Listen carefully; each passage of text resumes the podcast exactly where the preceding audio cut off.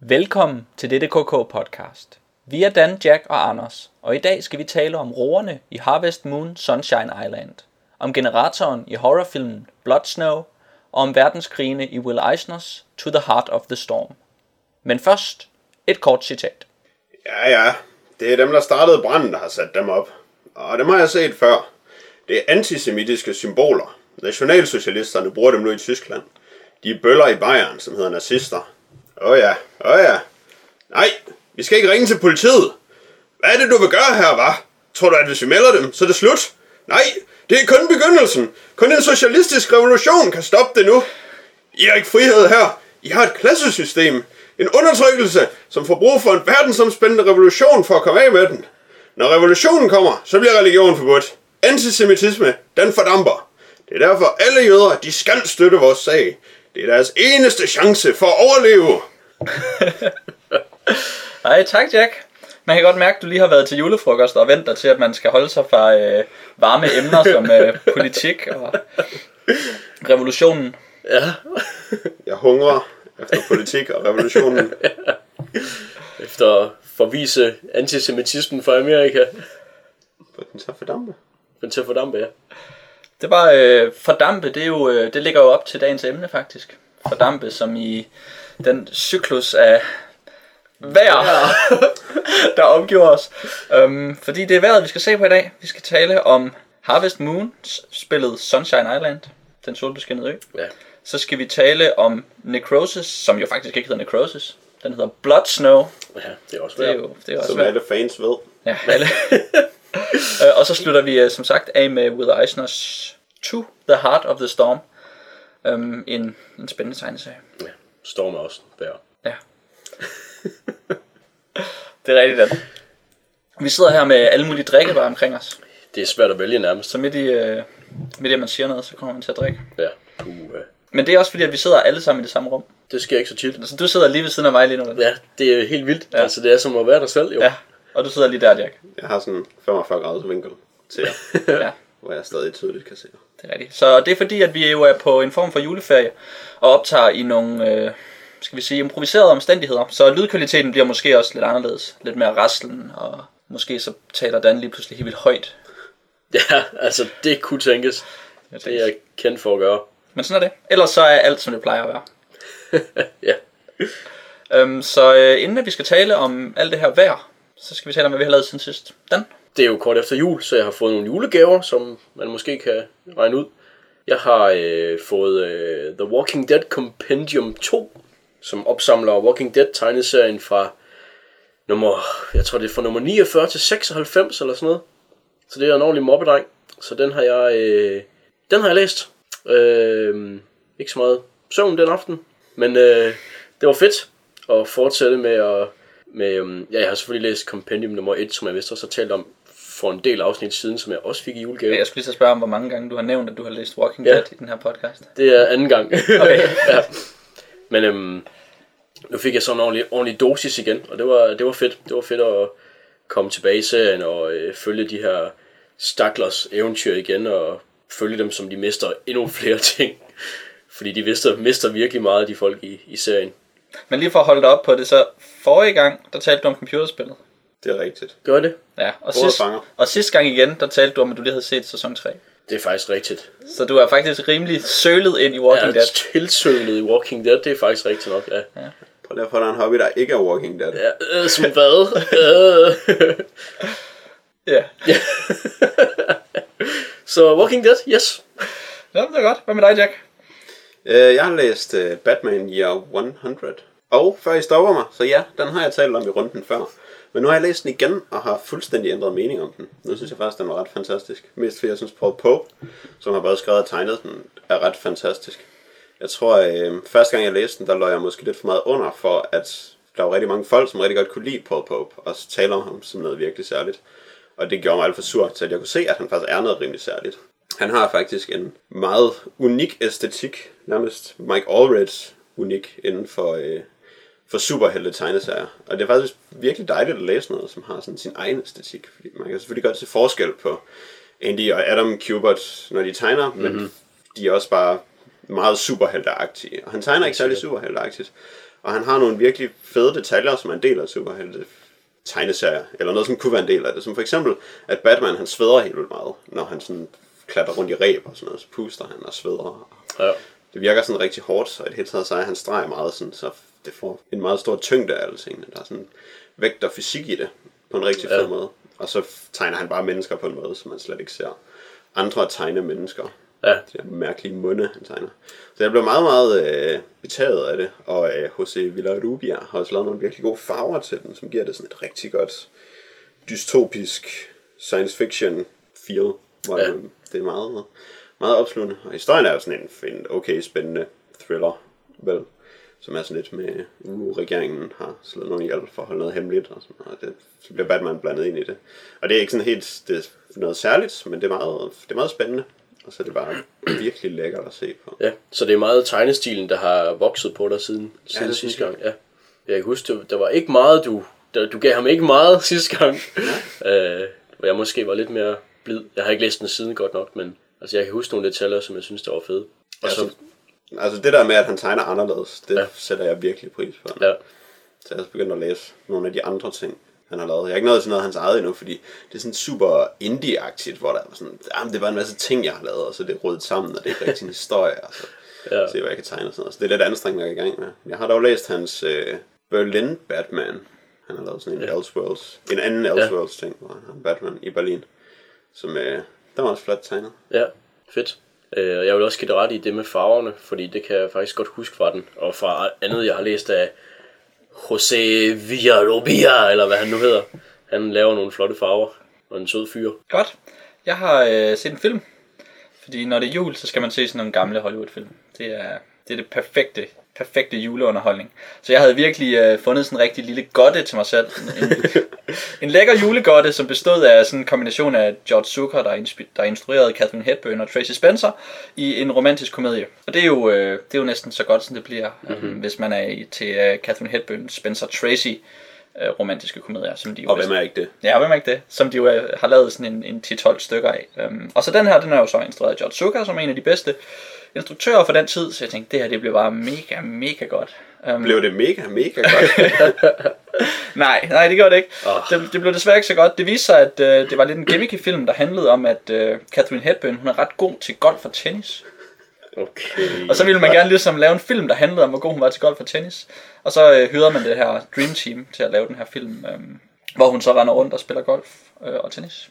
Så det er ligesom det, der sker. Det er det, og George Zucker, han kan overhovedet ikke finde ud af at instruere action og bevægelse. og der er sådan nogle syrede, øh, psykedeliske scener, som heller ikke er sådan klassisk Hollywood med... Øhm, midt i en tenniskamp, så lige pludselig så, får hun, så bliver hun stresset over, at hendes øh, ekskæreste kigger på, og det er sådan et, kom, et kompleks, hun har. og så laver de sådan noget øh, eksternalisering af, af, hvor stresset hun er, sådan så at nettet pludselig bliver dobbelt så højt, og så har hun en lille bitte tennisketcher, og så har modstanderen en kæmpe stor tennisketcher. Det er sådan, Åh. ja, Looney Tunes Ja, ja, det lyder sådan meget fasong. silly. Ja. Og det er øh, sådan nogle ting. Altså, så de var derude, hvor de slet ikke kunne bunde med den her film. Og det var ærgerligt. det lyder ellers meget juleagtigt. Ja, mm-hmm. det var det. Det var ret- rimelig juleagtigt. Fra 52, den hedder Pat and Mike, og den er ikke god. Um, Det er ikke en skam. Det er synd. men hvis man nu øh, ellers er interesseret, så kan jeg anbefale sådan noget som Adams Rip, eller den der med IBM, med computerne. Den kan desk, desktop springer det ud af mig. Okay, ja, ja. Um, det er gode film med, med den konstellation. Så. Men Også ikke- med George Zucker. Ja, det er kun Adams Rip. Jeg kan faktisk ikke huske, om der er instrueret desktop. Men det er med Tracer Spencer og øh, Catherine Hepburn. Spencer Tracy, ikke Tracy Spencer. Han kunne hedde det andet også. Altså, det, man, kan ikke, man kan ikke vide det. Nej, Hvad er det nu Zucker, han er kendt for? øh, Philadelphia Story. For eksempel. Den har jeg set. Men vi skal, ikke, ikke? vi skal ikke se Pat and Mike. Nej, Nej. det skal vi ikke. Har du lavet andet den? Ja. Øh, nu kan jeg så ikke, desværre ikke nævne mere Walking Dead, men jeg kan nævne noget andet, Robert Kirkman har lavet. Og det er, at jeg har læst Invincible, øh, som jeg også har fået i julegave. Og øh, det er også en superhelteserie, som jeg er meget glad for, som startede i ja, tidligt i år 2000, og som, som stadig kører, og som er, som er fed. Og jeg tror også, vi har talt om den før, så det er ikke noget, jeg vil komme så meget ind på, men det er også bare fedt, at det er en verden, der udvikler sig en hel del, og, og der er en masse konsekvenser, som, som der ligesom følger med. Så det er ikke, at, det er ikke som i mange andre store superhelteserier, hvor i den her måned, så, øh, eller i det her, de her par måneder, så er der en invasion fra rummet, og så par måneder senere, så alt ved det gamle, der sker lidt mere, øh, det sker lidt mere øh, konsekvensagtigt i Invincible. Er det stadig ham samme, der tegner det? Eller jeg ved ikke, hvor langt har du læst op til nyere tid? Jeg er nået til nummer nummer 60. Nej, det er ikke sådan særlig nyere Nej, tid. fordi den er over 100 nu, er den ikke det? Jo, Ja. Så, jeg har øh, læst både ja. nogle 80 og nogle 100. Okay, ja. Så jeg ved faktisk mere om det end dig. Ja. Men det gør jeg så ikke, fordi hver gang jeg giver mig til at læse Invincible, så læser jeg sådan 4-5 numre og tænker, åh, det er mega godt, og så glemmer jeg at læse det. Så går der 20 numre, og så læser jeg 4-5 numre igen, og tænker, Ja. åh, det er mega godt, så glemmer jeg alt om det igen. Ja, jamen det er... Øh, Jeg kan dog huske, at hans øh, lillebror, eller Ja. yngre klon, eller sådan Halv- et eller andet, som også er ja. superhelt, øh, at han bliver slået ihjel på et tidspunkt, men så det er han slet ikke alligevel. Og så var jeg sådan rimelig, Så Invincible er en person. Ja, det er Mark. Grayson. Ja. Det er ikke et så godt navn. Øh, jamen det er, det er en, ved han, han vil gøre op med, at alle hedder et eller andet man. Øh, at hans lillebror så kalder sig Kid Omni-Man. det er sådan noget helt andet. Men han er også kun 8 eller sådan noget. Det er et sejt navn. ja. Øh, ja. Men øh, ja, det var for... Hvad med Green Arrow var? Har han aldrig hørt om ham? Nej, det har han ikke. men ja, man kan lide det eller ej, men altså det, det er for, at han ikke vil hedde det der, have den der konstellation. Jeg kan godt se, hvis man ikke vil hedde noget med man, så skal Ja. man jo sandsynligvis bare hedde Invincible. Det er jo det.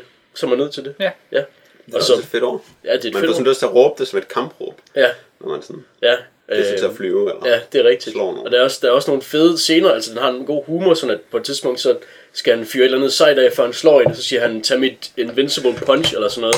Og så synes alle bare, at han er en kæmpe dweeb, fordi at han sådan, ja, har en invincible punch. Han har et slag, der er opkaldt efter ja, ham selv. ja, Kun Superman, der må det. ja. det er nemlig det. Men det er en rimelig god superhelteserie. Ja, det synes jeg, den er. Altså, den er... Og den har en god balance mellem det der humor, som du Ja. siger, og sådan at den er virkelig gritty Ja, nogle gange. Ja. Altså sådan meget Ja. ubehagelig, men uden at det bliver sådan alt for gimmicky. ja lige Det præcis. ikke overdrevet. Det holder Den til ja, balancen. Det har den nemlig. Så, så det er en rigtig god balance mellem alle de der elementer, som, som egentlig bør være i en god superhelteserie. Mm. Lidt bedre end hans Astounding Wolfman. Mm. Selvom det selvfølgelig er fedt, at det er en Wolfman. Mm-hmm. Så, Har du lavet med, Jack? ja, øh, som jeg lovede, da jeg lovede at holde op med at se gyserfilm, så har jeg set A Serbian Film, for at se om den kunne sige noget. Åh oh, ja. Apropos øh, sådan julegodter. men altså, øh, jeg tror, jeg var sådan rimelig irriteret over, hvor dårligt den var lige da jeg havde set den, men nu er jeg ikke så sur på den mere, tror jeg. Ja, Den er, altså, er, det er en meget, øh, sådan, Det var ikke en røvfilm. det er en meget barnlig film, synes jeg. Den, den er sådan virkelig, øh, se på mig, hvor provokerende jeg er. Altså, de er ikke sådan særligt gode til at lave film, dem der har lavet. Jeg ved ikke, om de har lavet andre film før. Så. Altså, man er fuldstændig ligeglad med alt, hvad der sker med alle i den. Ja. Og så er det sådan, de er newborn porn, det er godt nok... Øh, Jamen, det er tit problematisk, hvis folk ikke er kompetente, når de skal være provokerende. Ja. Det er meget svært at... Ja, ja, nemlig. Altså, det, det er jo slet ikke irreversible, for eksempel. Mhm. Mm-hmm. Som er meget mere provokerende og ubehageligt, fordi det er noget, man kan relatere til. Det kan man ikke med nogen af dem, der er med i den her film. ja okay. Øh, og, altså, og så er den bare heller ikke så klam, som den bliver hypet til at være. Ja, okay. Jamen, hvis man ikke har den der empati med karaktererne, som, som man ligesom skal have, så, så bliver det en, en barnlig røvfilm. ja. Det gør det jo desværre. Altså, den er sådan barnlig, men så er det også sådan, at de, det, var, det, det er sådan en, øh, en 8-årig, der har malet sådan et billede af sit eget bag, og kommer og viser en det. Og så er det sådan, altså, på en måde skal det være klamt, ikke også? Men det er også bare sødt, hvor stolte de er over det. Okay, 8 år, det er måske lidt set. Udvikling psykologiske problemer Ja, der, der, er, men, der er måske et eller andet der. og det er der så måske også her. Men altså, det er sådan, det, Hvis folk bare er stolte nok. Ja, det var det. Det kan man slippe godt fra hvad som helst. Men altså, jeg synes ikke, altså der er ikke nogen grund til at se den. Den er ikke klam nok til, at den er værd at se for det, og den er ikke god nok til, at den er værd at se for det. Så den er bare sådan lidt. Okay, Den er bare meget hyped. okay. Det er vist Ja, det man har hørt man meget kan om. sige om den. Ikke sådan direkte relateret til hype, har jeg set en film, der hedder The Angels Share, som er et øh, opkaldt efter et begreb, som man bruger i øh, whiskyverdenen, destilleriverdenen. Når man mm. destillerer whisky og lærer det i fadene, så siger man, at hver år så forsvinder der 2% whisky, eller 2% alkohol fra whiskyen, og det er englenes andel af whisky. Selvfølgelig, ja. Um, og det har man så øh, brugt som titel eller som ramme til sådan en, øh, et skotsk komediedrama om en, øh, sådan en ung mand, som gennemgår sådan en, en transformation fra at være øh, sådan nederst i samfundet, øh, sådan forbryder-type, og så bliver han reddet af en, sådan en, en venlig sjæl, som giver ham en chance og giver ham et øh, glas Springbank 32. Så bliver hans liv vendt op. Og så bliver hans liv simpelthen- eller mere eller mindre, og så tror man, at man på en eller anden måde får fortalt sådan en sindrig historie, som blander sådan hele, man kan sige, de, de, de fascinerende dele af whiskybranchen sammen med sådan de fascinerende dele af sådan coming of age historie. Men så, uh, så knækker filmen, og så skal de stjæle noget mega dyr whisky et eller andet sted. Okay. Og så handler filmen om, at de stjæler det her mega dyre whisky, uden at tage stilling til de moralske skrubler ved at stjæle noget, og sådan giver det her, de her stjålne whisky i gave til den her politimand, som reddede ham, og så er han også bare helt vildt glad, uden at han, han stiller spørgsmålstegn ved os, hvad det vil sige, at de stjæler noget helt vildt dyr whisky. Så, Stjålen whisky. så, så, men så får de lavet sådan en sjov, øh, du ved, lystig, lystig film, hvor de skal putte nogle slanger ned i nogle tønder, og så over i nogle flasker. Og, Laver de det der trick, hvor de så suger, og så i, i, i slangen, og så spytter de sådan lidt ud. Nej, det er benzin jo. Ja, det gør det ikke. Måske gør det man, man ser det faktisk ikke helt dødt. Men det altså noget i den stil. Der bliver suget i slanger. Ja. Jeg tror ikke, de spytter det ud. Nej, Fordi man kan bare vente, man kan bare sådan, man kan bare lade være med at spytte det ud. ja, det kan man jo. Det er whisky. Så kan man bare sådan Ja, lade det falde ned. ja. det er meget lettere, ja. Det lyder, ja. Um, det var faktisk en film, jeg lidt havde glædet mig til at se, fordi det er en af de få whiskyfilm, Ja, hvis man nu er interesseret i whisky. ja. De er der ikke særlig, dem er der ikke særlig mange af. Nej, ikke sådan rigtigt. Der bliver name-droppet en lille smule, hvilket er sjovt nok. Han skal gætte en Krakenmore på et tidspunkt. Mm. Hvordan kunne du glæde dig til at se den, efter at have set traileren? Fordi den handlede om whisky. jeg, jeg var spændt på at se, hvordan de ville gribe, øh, gribe det an, og det virkede faktisk sådan i starten, som om, at de tog emnet lidt alvorligt. Altså. Ja. Men så var det bare sådan noget, wow, man kan finde en whisky, der skal koste en million. Og så er det sådan Så skal man den mest platte måde at tale om whisky på. Ja, ja. Mest uinteressante måde i hvert fald. ja. Så. Det er svært med madfilm. Det er ikke særlig tit, det er særlig godt. Det, det er nok rigtigt. Men så har den sådan en masse skotske, skotske personer, som banner helt vildt meget på skotsk. Ja. Sådan, og er ekstremt dumme på sådan en øh, Skotsk måde. skotsk måde. Skal vi ikke bare sige det sådan? Lad os sige det. Ja, ja. skotsk mor. Så, den var ikke god. Instrueret af Ken Loach, som øh, Hvornår er den fra? sidste år. Ja. Åh, oh, så tidlig, eller så sen, eller så, så nylig. Ja. Det er det, jeg har lavet. Alright. Har jeg lavet mere siden sidst? Tch, Nej. Jeg har læst super meget X-Men. Det gider vi fandme ikke høre. Det tror jeg heller ikke, I gør. Jeg, jeg er egentlig lidt interesseret, men det finder vi ud af på det gør. Jeg synes, vi skulle lige, lige tale lidt om vejret og sparke lidt i jorden. Åh, oh, det er også rigtigt. Kan vi det? Måske se, om vi støder på nogle roer. Ja. ja. Nogle turnips. Skal videre plant turnips. Det hele vælter bare. Sådan er det, når man har sådan et nyt setup. Jamen, det var fordi, vi skal tale om Harvest Moon Sunshine Islands, mm. Som er et af de nyere spil i Harvest Moon-serien fra 2010 11 deromkring. Jeg sidder og tænker, kan jeg vide, hvor mange Harvest Moon-spil, der nogensinde er lavet? Det er faktisk sjovt, fordi øh, det første Harvest Moon spil, spil blev jo lavet af Wada Yasuhiro i 1996 til Super Nintendo. Og siden da er der lavet 24 Harvest Moon spil. Det er en del. 11 spin-off spil. Så 24 plus 11. Wow. Wow. Altså spin-off spil er jo så ikke Harvest Moon spil, men Er det verdens største franchise? altså den med flest spil. Det ved jeg faktisk ikke. Skal vi ikke sige det? Hvorfor Det, ikke? det er verdens største franchise, simpelthen. Nå, Nej, det er nok ikke. Nå. Men Harvest Moon-spillene handler jo sjovt nok om at høste, faktisk. De er øh, en blanding af rollespil og simulationsspil, måske. Hvor man, øh, man styrer en lille mand, som arbejder på sin gård. I alle spillene, der arver man en gammel gård, som man skal sætte i stand. Og så skal man ordne det. Og det gør man jo ved at gå ud og plante nogle roer, og man kan købe nogle dyr. Så kan man snakke med nogle folk, der bor i nærheden, og købe nogle dyr af dem. Man kan endda blive gift og få børn. Nå, spændende. wow. Øhm, og det handler alle 24 spil om. Inklusiv Sunshine Islands, som vi har spillet. Der foregår det så på nogle øer. Det gør det kun i et, to af dem, tror jeg. Og det er til Nintendo DS. Og det synes jeg nu, det er. Så øh, hvordan synes du, det var at overtage familiegården? Jeg er sådan set spændt på at høre, om der er nogen, der fik nogle dyr. Nej, Jeg men jeg fik ved, det. hvordan man får dem. Jeg ville virkelig gerne have nogle dyr. Jeg anede ikke, hvad jeg skulle gøre. Ja, samme her faktisk. Og det er fordi, lad mig spørge om noget andet. Fandt I ud af, øh, hvordan man udvikler sit forhold til de andre mennesker? Altså, jeg, jeg gav nogle af dem gaver på deres fødselsdag. Okay, det er jeg, en god start. ikke, jeg fik ikke noget ud af det. Det tæller tredobbelt, når det kommer til at få venskabspoint. Hvis du selvfølgelig giver dem noget, de kan lide. På deres fødselsdag. Men øh, det er faktisk nøglen til at få dyr, fordi du skal blive gode venner med Mirabelle, hedder hun. Hende som ejer butikken, hvor de sælger dyreting.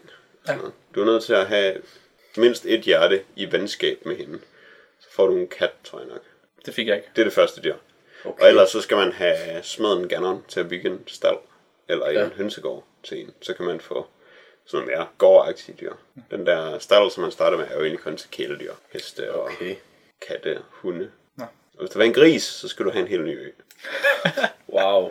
Men ja, det, er- det er faktisk et meget godt eksempel på et af de der systemer, som man overhovedet ikke ved er der, og man ikke ved, hvordan det fungerer.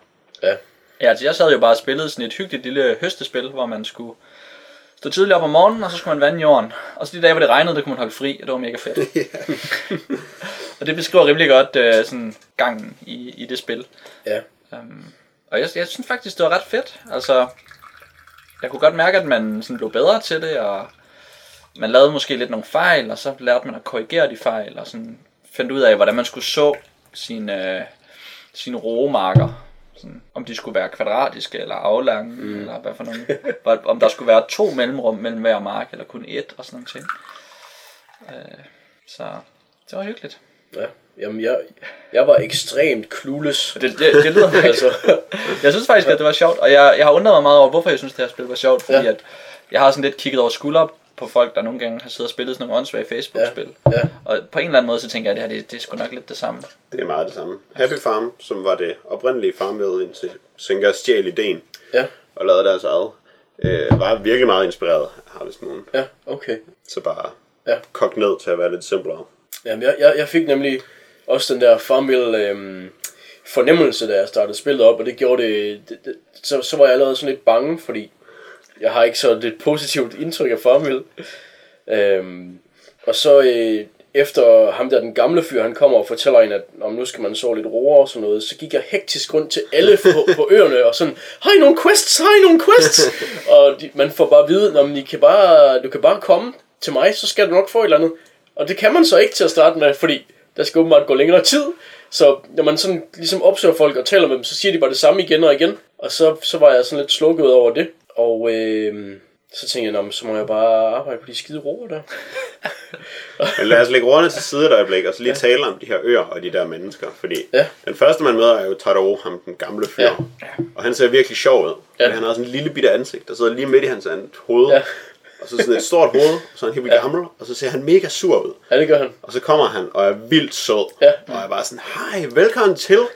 Har du ikke lyst til at lave en bondegård? Kom, vi laver en bondegård. Ja, jeg ja. Og så når man går rundt på øen, så er alle bare sådan, lige meget sådan, altså smederen, som er sådan et stort Ja. brød med meget længere arme end Ja. hans ben, og øh, sådan en kæmpe orkkæbe, og hans Ja. tænder, der ligner hugget sukker, der er smidt ind med en skovl.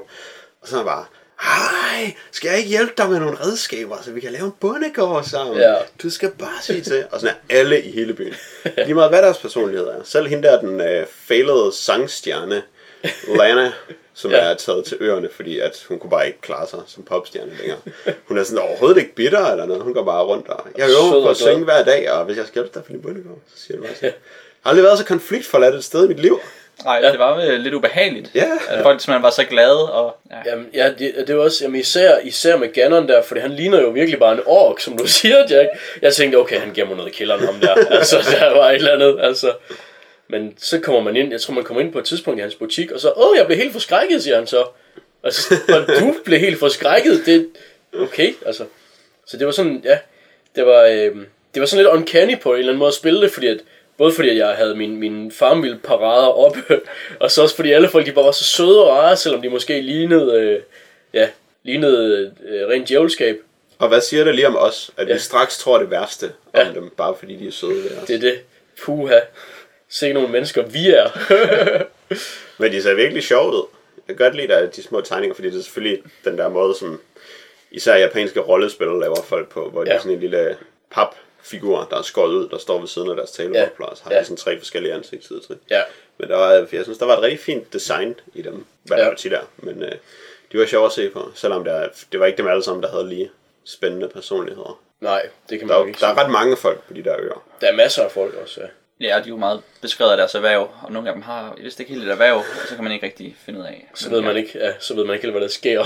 Nej. Nogle af dem hjælper bare deres far i butikken. Ja. Jeg, jeg havde nu en, øh, en ærgerlig oplevelse med det, hvor jeg spillede i sådan rimelig lang tid, um, og, øh, og tjente en masse penge, og så gik jeg hen og så købte jeg sådan en, en rød kugle, som der kunne øh, gøre... er wonderful. En Wonderful, ja lige mm-hmm. præcis. Som jeg kunne bruge til at putte i min vandekande eller et eller andet andet, og så skulle det være bedre. Men jeg kunne ikke finde ud af at bruge den, og så gik jeg sådan rundt med den, og så fandt jeg ud af, at hvis jeg trykker på en, på en rigtig knap, så tog jeg den op i luften. Og det var vildt fedt, og så trykker jeg på en anden knap, så kastede jeg den af Wonderful. så, så den var væk. Fik du så den der besked fra ham der, der ikke kan afsløre, hvem han er, men han kan lide dig mindre, fordi du har smidt ting væk nu? Yep, så kommer der sådan en mand, der lige fortæller en, at man skal lade være med bare at smide ting væk, man lige har købt for 5.000. og jeg havde bare virkelig brugt lang tid. Og så, øh, så, oh, så der mand. lavede jeg så den beslutning at starte et nyt spil og gøre det ordentligt. Også fordi, at jeg lige havde, øh, øh, havde misset at deltage med en roe i roe-konkurrencen. Ja. Og det var også lidt hårdt. Ja, sikkert en skam. Ja. Så tænkte jeg, "Ej, nu prøver jeg lige forfra, så gør jeg det ordentligt. Og så begyndte jeg sådan lidt at power game, og så lavede jeg en sindssygt god vandkande. Okay. Jeg fandt aldrig ud af, hvordan jeg fik min Wonderful ind i min vandkande. Man skal gå hen til øh, ham i butikken, Ja, Tjernstreng. Ja, det ved jeg godt. og så, og så, men du skal købe en vandkande med plads i. Den startvandkande, man har, den har 0 slots. Okay. Når man vil gerne have en med måske vandkande. to eller tre slots, fordi så kan man lave en rigtig god vandkande. Jeg vil have en med syv, fordi jeg kan også have syv Wonderfuls i hvert redskab. Ja, så kan langt kom ikke jeg med det samme. Men så kunne jeg med et klik vande ni felter. Ja, okay. Sejt. Ah, så det er det, der skal til for at vande flere felter. Den Ja. i midten. Ja, ja fordi den i midten, jeg indså jo, at man har jo sådan en grid på 3x3, som man får at vide, man skal starte med. Øh, Og man planter 3x3 hver gang man... Ja, Når man tager en okay. pose frø, så kaster man det bare op i luften. Og så okay, så bliver det et automatisk. Ja, okay, ja. Øh, ja, så jeg lavede sådan, lavede en, en, altså hvad jeg troede var en, en smart mark, som var altså 3x3 og så 3x3 ovenover den, så det var sådan en, ja, aflang mark. Og så hele rækken i midten kunne jeg så ikke vande, fordi det kan vandet kan ikke nå, og man kan ikke, man kan ikke gå ind på jorden, så, så der spildte jeg så en del roer på det, kan man sige. Ja, men de der forårsafgrøder, roerne for eksempel, de kan som regel godt, hvis man sørger for sådan at overvande dem lidt i starten af midten, så kan de overleve, indtil man har høstet dem udenom. Det er Okay. værre, når man når til sommerafgrøder, Ja. hvor for eksempel tomater, de bliver ved med at give tomater. Ja. Og så bliver planten stående, så der kommer man aldrig ind i midten. Åh, oh, ja. Og så er den færdig. Eller hvad er det, majs? Det tager så lang tid at dyrke majs. Så der døde alt i midten også. Men det virkede bare som et af livets fakta. Men altså, så hvis man kunne vande den, så kunne man ikke komme ind og plukke den. Så skal man have et eller andet apparat til at plukke den med, måske. Hvis det findes. Sådan en, en lang sej, et langt sejl. Ja, Ja, det tror jeg ikke, man kan. Det tror jeg ikke, man kan. nej, det kan man måske ikke. Men det virker mærkeligt. Men det er jo det sjove ved det spil, at man ved jo ikke, altså jeg ved ikke, hvor du ved de der ting fra, som du ved om spillet. Nej. Men altså, jeg har jo bare spillet ja. spillet, og så har jeg fået den information, spillet har givet mig, og så har jeg brugt den så godt, som jeg kunne. Ja. Og så har jeg så ikke fundet ud af, hvordan man fik dyr. Jamen, det har jeg jo så også gjort, hvor jeg, jeg har også startet et nyt spil, og så gået i gang med at, sådan, rigtig at tjene en masse penge, og så kigge på, hvad der virker fedt at få i butikkerne, for eksempel en større rygsæk og øh, udvidelser til ens hus og sådan noget. Fordi jeg vil rigtig gerne komme til at lave mad mm. i spillet, og det virkede vildt sjovt, fordi mm. man, øh, man løber sådan lidt rundt på øen og finder ting, og der er nogle af dem, som er ingredienser til mad, og man Ja. plukker selvfølgelig roer og sådan noget ting. Så jeg tænkte, jeg vil gerne have noget mad, så jeg prøvede på sådan at finde ud af, hvordan man lavede et køkken, og det kunne jeg ikke umiddelbart købe, så jeg tænkte, "Ej, jeg prøver at opgradere mit hus, og se om jeg kan købe det og sådan noget. Så fandt jeg ud af, at man bare skulle købe en masse møbler, så fik man et hus til sidst. Øh, et køkken til sidst. Og så fik okay. jeg nemlig et køkken, og ville lave mad. Øh, og så har man sådan nogle opskrifter. To opskrifter starter man med ris og brød, kan man lave. Og så øh, siger den der, da han forklarer en, hvordan ens køkken virker, så får man at vide, at man kan få nye opskrifter for de her to spisesteder, der er i byen, caféen og dineren. Øh, og det er fint nok, men jeg tænker, man, man må også kunne sådan, øh, eksperimentere sig frem til det. Hvis jeg nu bare tog en masse forskellige ting og smed op i en gryde, så tænker jeg, der er sikkert mange opskrifter, så det må være let at finde noget at lave. Men det kan man bare slet ikke, det hele det bliver bare til failed recipes. Men det er så også fordi, man har sådan øh, skills, så til at begynde med, der er man for dårlig i cooking til at lave noget, så man ved ikke, sådan man blander ting sammen, så virker det Ja. måske ikke. Okay, Øh, ja. Men grunden til, at jeg fandt ud af det, det er, at jeg har læst rigtig mange walkthroughs til spillet, fordi jeg gik hen på de der diners, og de ville bare ikke give mig nogen nye opskrifter, og der var ikke nogen måde, man kunne købe det på. Men så er det så, fordi man skulle gøre det der med at tage tingene ud af sin rygsæk og holde dem op over hovedet, og så gå hen til nogen, og så skulle man give dem ingredienser til mad. Så laver de noget mad med det, og så får man opskrift. Ah, Og så kom jeg sådan lidt i gang med at lave noget forskelligt mad, men så var det helt vildt svært at få ingredienser til det, og så blev jeg træt af, hvor besværligt det var, og at jeg ikke vidste, hvordan det fungerede. Fordi jeg vidste jo ikke, om jeg var god nok til at lave noget mad. Selv hvis jeg købte alle ingredienser, så er det ikke sikkert, at jeg kunne finde ud af at lave det. Og så tænkte jeg, "Ah, så prøver jeg at få dyr i stedet for, og det kunne man jo bare ikke få. Og så kan man så læse om det og finde ud af, nå okay, man kan sådan blive venner med folk. Nå okay, så jeg skal tale med dem hver dag i fire dage i træk, så kan jeg begynde at give dem gaver, og så får jeg sådan lidt flere point hele tiden i mit forhold til dem, og så til sidst så bliver vi venner, og så vil hun godt give mig et dyr. Men hvordan skal man få tid til at tale med dem? Fordi man står op klokken 8, og så skal man vande alle sine marker. Og det tager jo vildt lang tid. Nej, det tager, eller det ved jeg ikke. Det kommer selvfølgelig an på, hvor mange marker man har. 10. Okay. Det er virkelig meget, mange marker. Jeg tror højst, jeg nået op på 6. Men det var du ikke tør for kræfter til det. Nej, nej. det gør jeg ikke. Altså så kan man lige, der er sådan et rimelig godt run, man kan lave, hvor man kan samle de der herbs. Ja. Og det laver man så ind imellem. Og så kan man, så kan man godt holde sådan 10-12 kørende. Og så specielt hvis man får den gode vandkande, så kan man rigtig begynde at... Nå, fordi, mm. altså, fordi du spiser meget mad? For at få energi, okay, ja. Ja. Det gør jeg ikke rigtig så meget i. Men øh, i hvert fald, altså det kan du jo så bare nå ved, at når du laver dit run, så løber du ind i butikken. Ja, det er rigtigt. med. Og så kan man jo fokusere på nogle bestemte, man gerne vil være bedre venner med. Der er godt nok, hver gang du ikke har talt med nogen om morgenen, så er der 30% chance for, når du sover, at du mister 100 point i venskab på dem. Så de bliver sådan dårligere, Det er vildt nok. hvis man ikke taler med dem alle sammen. Og det lyder ubehageligt at vide de der ting der. Ja, det er helt Ja. vildt. Men det er jo så det sjove ved at spille sådan et spil, som ikke fortæller dig noget som helst. Ja. At når et eller andet lykkes, så virker det lidt som sådan et mirakel. Altså det, ja. det, det får en helt anden værdi, at man faktisk bedriver et eller andet. At man lige pludselig får sin vandkande til at blive bedre, fordi man selv har regnet ud, at man skulle finde den rigtige vandkande. Og så skal man købe den rigtige Wonderful og putte i på den rigtige måde. Ja. Der, er- der er noget payoff i det, men jeg synes, det er lidt hård. Jeg synes, det spillet det blev super kedeligt til sidst. Okay, ja. Fordi det var der, hvor jeg bare sådan dyrkede afgrøder, og så skulle jeg hen og tale med hende der Mirabelle, og øh, give hende sådan en pet food, efter jeg havde gjort det et stykke tid. Fordi hun kunne godt lide ting til dyr. Og så fik jeg ekstra point i venskab med hende og sådan noget, men jeg nåede sådan ikke rigtig op på det første hjerte. Så Nej. jeg sådan brugt flere uger på det, tror jeg. Og så fik jeg ikke det der dyr, og så var det bare sådan at løbe ud og vande planter og blive hende. Og så synes jeg, det blev rigtig kedeligt spil. ja. Det virkede, altså, det virkede, det virker sådan rimelig repetitivt, det man gør. Ja, På sådan en måde, som, hvor jeg blev i hvert fald utålmodig, fordi at jeg vil bare, jeg vil bare have nogle quests.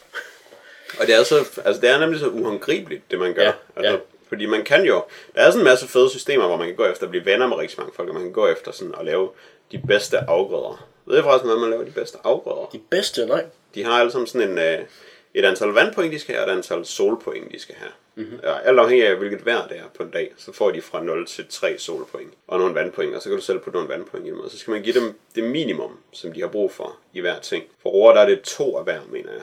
Øh, så får man den bedste afgrøde. Okay. Og så hvis vejret det skruer dig, så får du ikke en god afgrøde. Fordi den kan give dig 3 solpoint den første dag, du planter dem, og så... Ja. Ja, okay, for når man køber er afgrøder, så står der jo bare roen, den skal have water, normal, ja. og øh, sun, eller mm-hmm. sådan noget, normal. Ja. Og der var det nemlig, at så roer de skulle sådan have 2 til 7 og 2 til 9 af de der ting. For eksempel kunne de holde til. Så tænkte jeg, så okay, nå, så forstår jeg godt systemet, så prøver jeg på sådan noget. Jeg kan lave en god afgrøde, og så gik jeg i gang med de der tomater. Og det var bare, så gik jeg bare sådan og vandede, og solen skinnede, og der skete bare ikke noget. Så en dag så, åh, nu er de blomstret lidt mere op. Og så tænkte jeg, "Ah, det er det der mellemstadie for, og nu er de sådan begyndt at blomstre. Ja. Så næste gang skal jeg så vandede jeg noget mere, og holdt øje med solen, og prøvede at vande dem sådan lige så meget, som det sol, de fik, fordi det var om sommeren, så de fik ikke særlig meget regn. Så det var let at styre, hvor meget man havde givet dem, og så hvis man bare sådan afbalancerede de to i forhold til hinanden.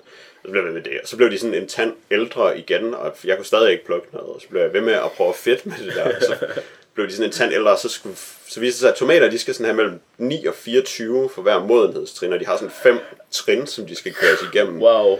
med de optimale forhold, for at man får en rank S tomat, som så også giver 10 gange så meget som en almindelig tomat.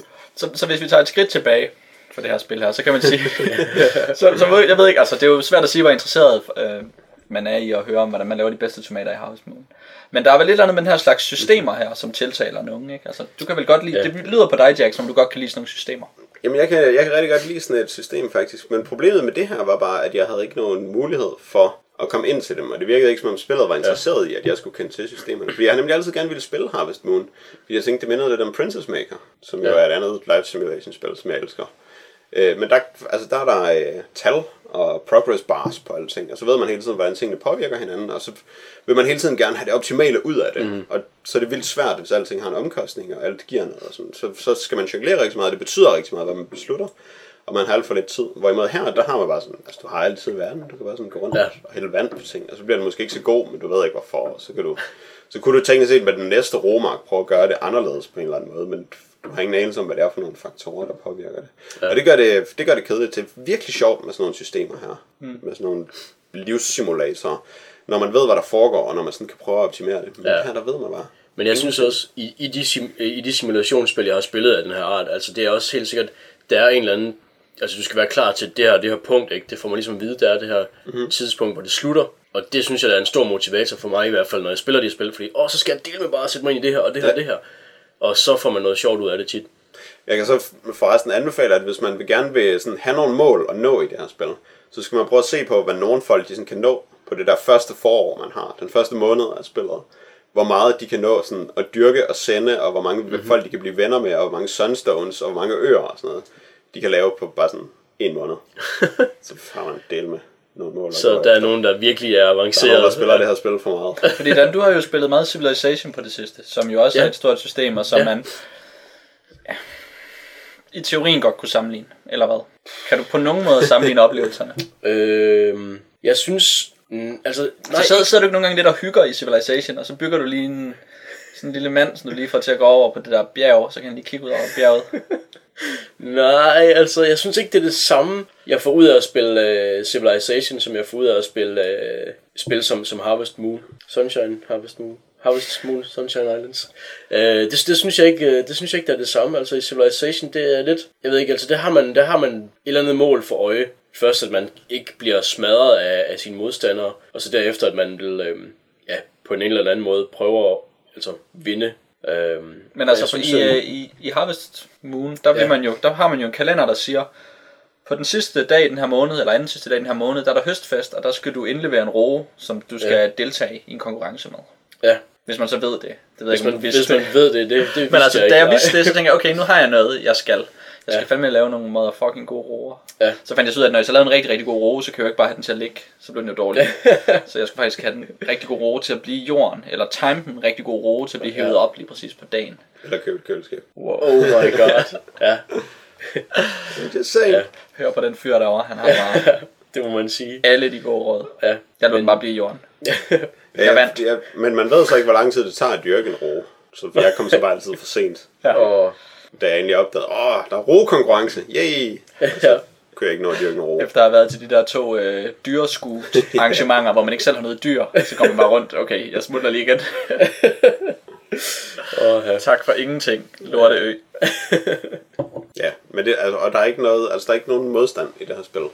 Som der er i er rigtigt, Civilization. ja. Der er der nogle andre, som smadrer dig, hvis Ja. du ikke er god nok. Ja. Og, og du kan som regel holde øje med, hvordan de udvider, og så vil du gerne sådan følge med dem, og man har noget at spille op imod. Og her der har man bare en masse folk, der vil gerne vil hjælpe en, men de hjælper ikke rigtig en. ja, det er rigtigt. Det var også, hvad jeg oplevede.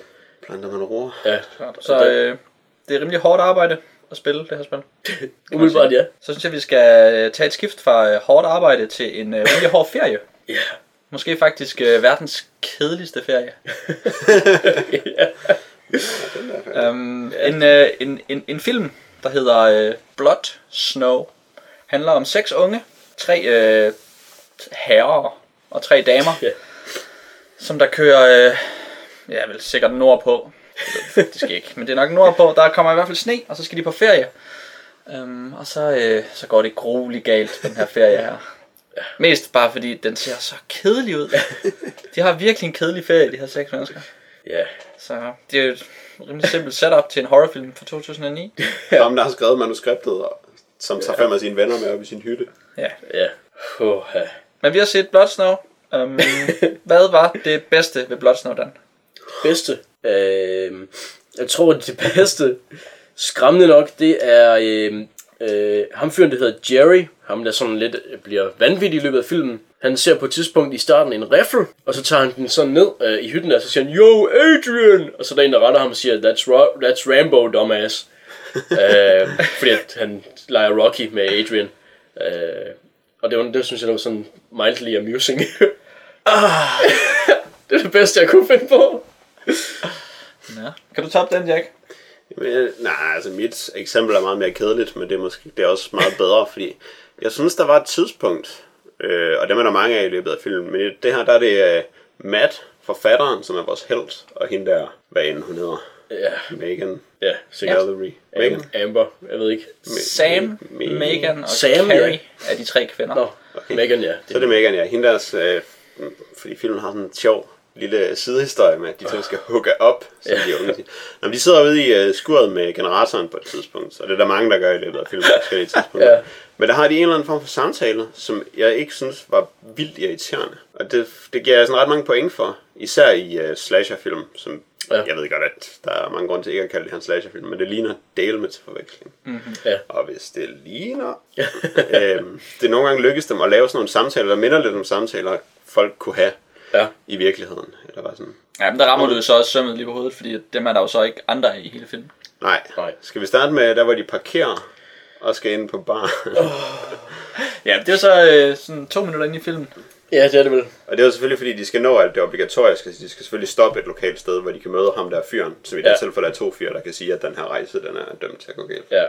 Det er simpelthen... Jamen altså, a- allerede i, helt i starten, altså helt hvor, hvor man ser øhm, det her Donner Party fra 1840'erne, eller whatever, der, der i, i, på samme bjerg, hvor hytten ligger, blev... Jeg, jeg ved ikke helt, hvad der skete, men nogen blev vanvittige og spiste nogle andre, eller sådan noget. Så står der sådan en mand, så står han bare sådan og siger et eller andet med, at, det her, at alle de andre er cursed, eller sådan noget.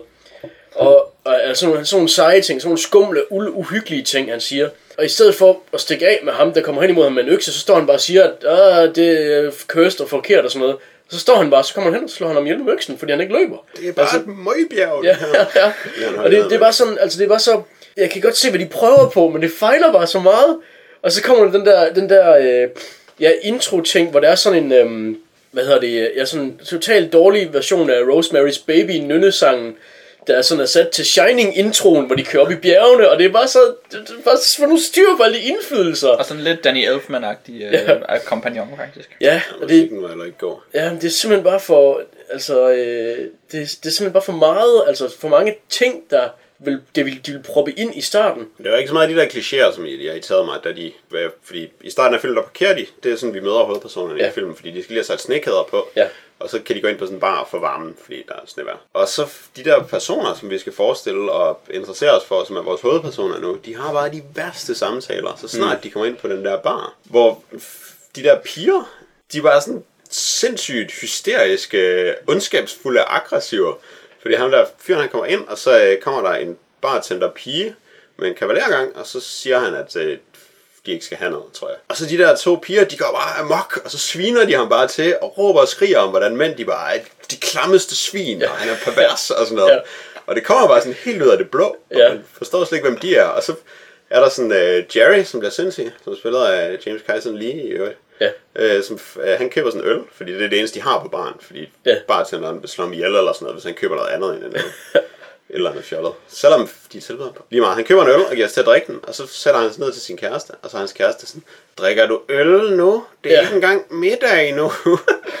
og det, Ja. de er på ferie, prøv lige at slappe af, og hvor Ja. ja. kedeligt er det ikke? Bare sådan, ja okay, alle kvinderne, de er sådan nogle, øh, De er sådan møg irriterende ja. harper, og Ja. alle fyrene, de er sådan nogle øh, halvhjernedøde idioter. Ja.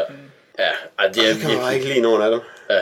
Jamen, det er ikke, man får ikke noget indtryk. Altså, de, de er bare de der papfacader, virkelig. Og det får vi jo så også fortalt en historie om, hvor kedeligt det er i løbet af den her. Det er lidt svært at, at helt fornemme tidsperspektivet i den her film, fordi den klipper rigtig meget mellem dag- og nattescener, ja. så man tror, at der er nogle dage, der går ekstremt hurtigt Ja. indimellem. Um, det forvirrer mig lidt. Men man får bare indtrykket af, at der går måske seks dage, hvor de hænger ud og er på fed ferie op i den her hytte, den her træhytte, ude i øh, en, en skov med en masse sne. Um, og så laver de ikke noget. Så står de bare og kigger ud af vinduet.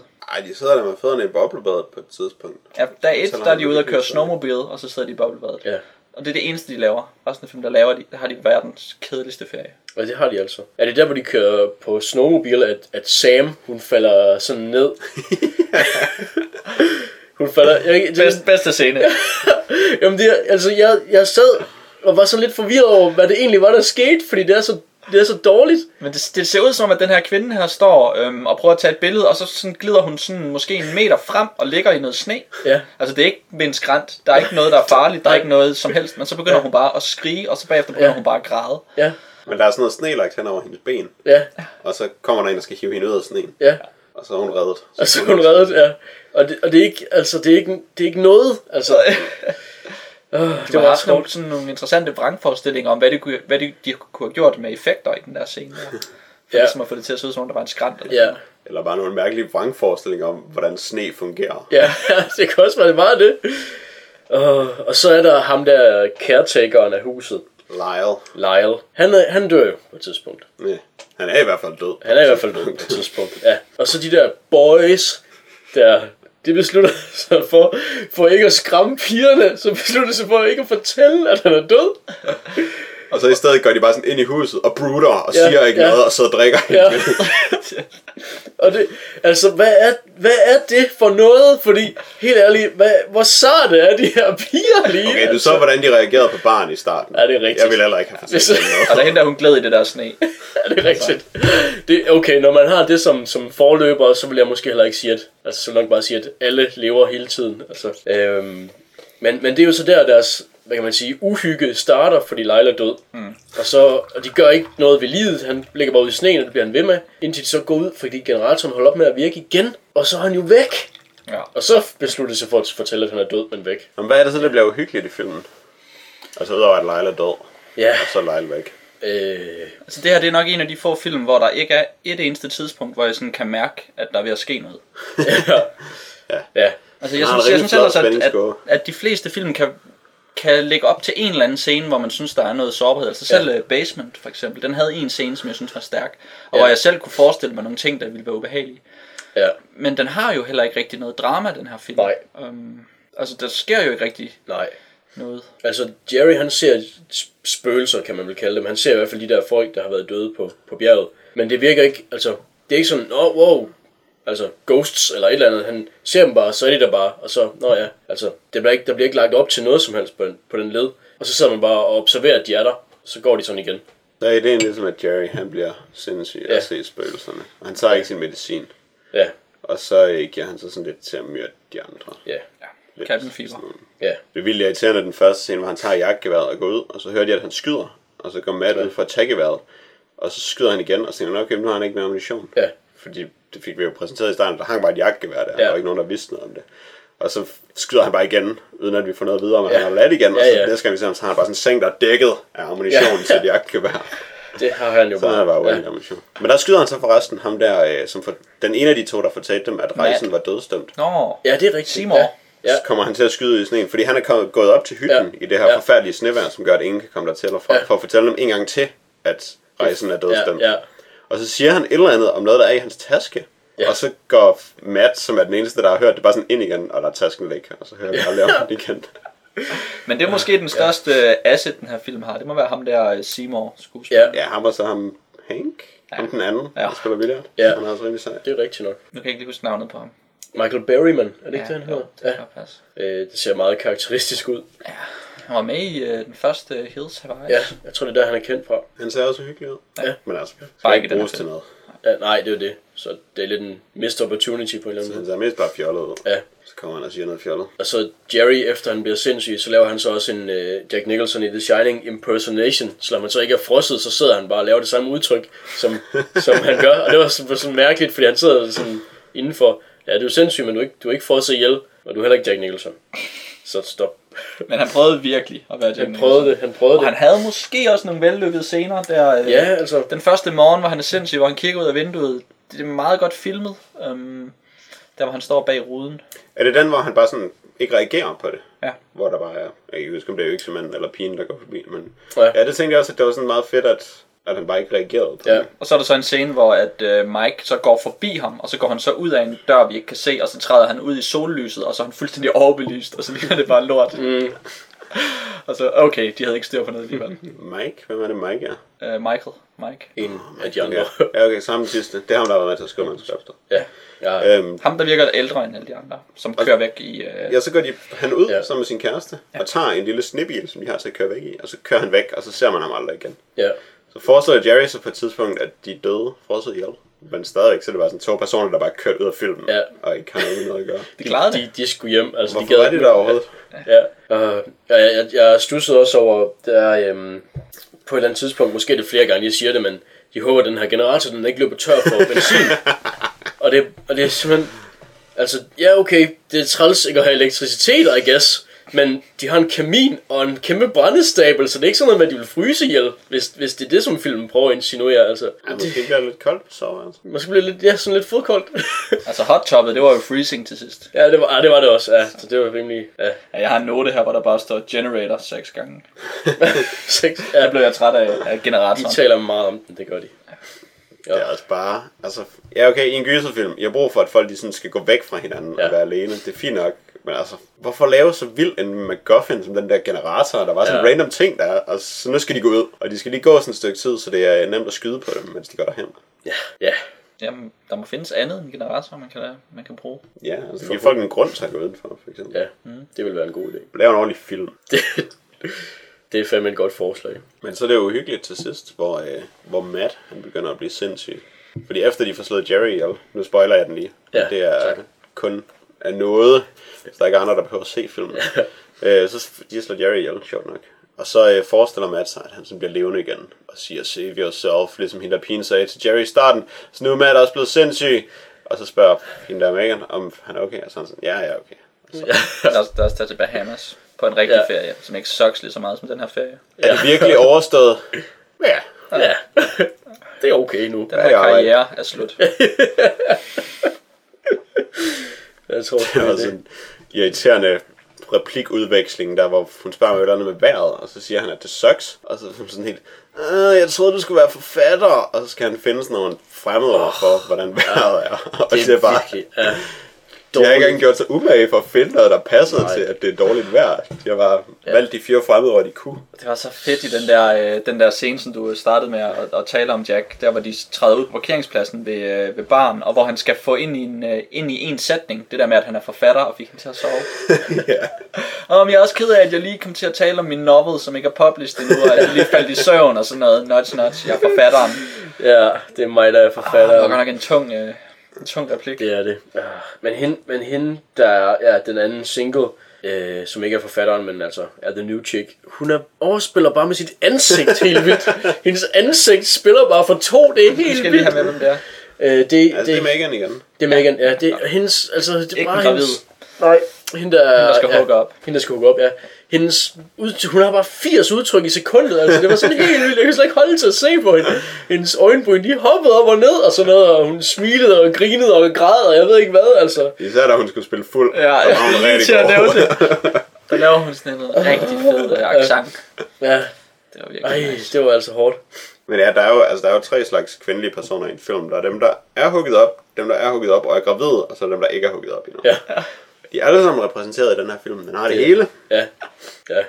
Og hun er, eller, jeg har lyst til at sige, at hun er den mest irriterende, men det, det ved jeg ikke rigtigt. Jeg har fuldstændig glemt alt om hende, som Michael Ja. er kærester med. Hende, der er hugget op, men ikke Ja. ja. gravid. Ja, det er øh, Karen, som man ikke rigtig får at vide, hvad hedder særlig mange gange. Nej, Nej, man måske kan en gang i filmen. Ja, man kan ikke helt huske Hun gør ikke noget. Nej. Men Men, men så er der hende, som er gravid, som sådan falder ned i sne og skriger, som bare er så ynkelig i Ja. ja. filmen. Ja, Ja, men hende, som vi lige talte om allerførst, øhm, hun har jo så en scene, hvor at hun kommer ned i en kælder, og så finder hun sådan der bunke avispapir, eller aviser, Ja. ja. som der så dokumenterer, at det her sted er ondt. Og så sidder hun bare nede i kælderen i to dage. ja. Når hun læser. går ud af kælderen, og så tager hun igen alle sit overtøj på og går ned i kælderen igen for at stå dernede og læse de gamle aviser. Ja. Ja, Og så har man lige den der rigtig fede, wow, Ja, ja, det er det, her sted, det var ondt. ja, så regner hun lige ud, at der er sådan et mønster, hvor det kommer tilbage hvert 40-20 år eller sådan noget. Så det bare et bad year on the mountain. Men der har jo ikke været nogen sidste år her, så det er vist lige op over, at det bliver farligt igen. Oh, Det, det havde vi gættet. ja, det, ja, det må være noget. Det er virkelig, det er virkelig et lavpunkt på Ja. ja. nogle punkter, den her film. Jamen, jeg synes, om der, hvor uh, Matt, han skal, undskyld, jeg afbryder, men ja. der hvor Matt, han skal sove på sofaen, fordi der er jo kun tre soveværelser. Ja. Og så skal han sove på sofaen. og så sidder han sådan på sin dyne med alt sit tøj på, og sådan den ene fod op i sofaen med sko på. Og så ja. sidder han sådan og sover Ja. behageligt tilbagelænet i sofaen, men vildt akavet, og ja, slet ikke sådan nogen nogensinde det ville er meget overlegnet at sove på den måde. ja. Ja, Han har været sådan en uh, badass cowboy på en range, Ja. der sidder og ryger, men så skal han sove. det er det. Altså, jeg tror, at det her det er sådan en film, der demonstrerer, at bare fordi man har set en masse film, så, så kan man altså ikke lave en film selv. Eller man har set sådan nogle film. No, Ikke nogen. vildt mange, Ja. men hvis man bare Ja. tager dem alle sammen med i en film. Ja, man har set nogle stykker. Ja. Det er under al kritik. Er jo så kedelig en film. Ja, det var for kedeligt. But Snow. Der er lidt action, så bliver de skudt. Sådan lidt effekter, det kan man vel sige er ok. Nej, ikke den der, hvor uh, Michael Berryman han er blevet skudt. Ham, den skøre Voice of Doom mand. Uh, og så ligger han og skudt, og så er der sådan noget blod ovenpå hans Jeg kan sige lige Voice of Doom, mand, som er et, øh, et, et begreb. Der var faktisk Voyage of Doom. Voice, uh, Voice is Doomed, ja. ja. Som Voyage of ham, Doom, men som er ham, som siger, at det kommer til at gå galt. i, øh, hvad er det, fredag den 13. Øh, nummer 6, 7, Jason Takes Manhattan. Jason Voorhees ja. Ja. i sin hockeymaske skal sejle på sin båd til Manhattan Ja. for herover. Og så er det sådan en story. Og så, er- så der er en rimelig sej, uh, This Voyage is Doomed, men... Og så siger han, This Voyage is Doomed. og, og så, det, folk siger selvfølgelig sådan lidt forskellige ting. Så for Men ikke- egentlig ikke så meget this, forskelligt. cabin, That cabin is doomed. Ja, Ja. kan man sige. Og så Ja. videre. Men det er Nå, sådan, han bliver i hvert fald skudt, og så er der sådan en øh, lille kage af blod oven på hans jakke. Så bare sådan er oven på jakken. Og så står de sådan lidt og fedter med det. Så er han nødt til at presse sin hue ned på den. Nå ja, og, og så er han nødt til at lægge pres på det her, efter at han sådan har siddet og talt med ham i 30 sekunder, uden at gøre noget som helst. Så lægger han sin hue på det. Så ligger han ugen på brystkassen, mens der var vælter blod op i munden på ham. Og så, der. så det var han sjov nok. så det var en virkelig dårlig. Så lader de ham ligge, og så ser vi aldrig igen. Nej, de laver det der, øh, det der moderne gyserfilm-trick med øh, sådan at køre noget helt hurtigt, og nogen vender sig om. Så der, jeg ved ikke, om de frameskæber, eller om de bare spoler frem, eller hvad det er, de gør. Jeg tror bare, de klipper, og så er det bare en lydeffekt. Åh, ja. Sådan så at folk de kan lave sådan et uh, unaturligt hurtigt blik, eller en unaturlig Ja, og så er de bevægelse. Manson kontaktlinserne på, Ja, Ja, og så bliver man spooked det her out. ja, så er det Og de uhyggeligt. har også øh, der, hvor Jerry står og kigger sig i spejlet, og så er der sådan en hyggelig mand bag ved ham. Øh, og så ryster han hovedet sådan helt vildt hurtigt, Ja. hvis de spoler frem. Så det er mega uhyggeligt. Ja, mens der er den der sådan, ja, spolelyd. Ikke? ja. Ja, Det er præcis. som man skal have i en moderne Den der sådan, uh, lyden af når tid går meget hurtigt. Måske ja. Den bruger man, Måske uh, hvis det. tiden går hurtigt. Jeg ved ikke, hvordan man har fundet på den lyd.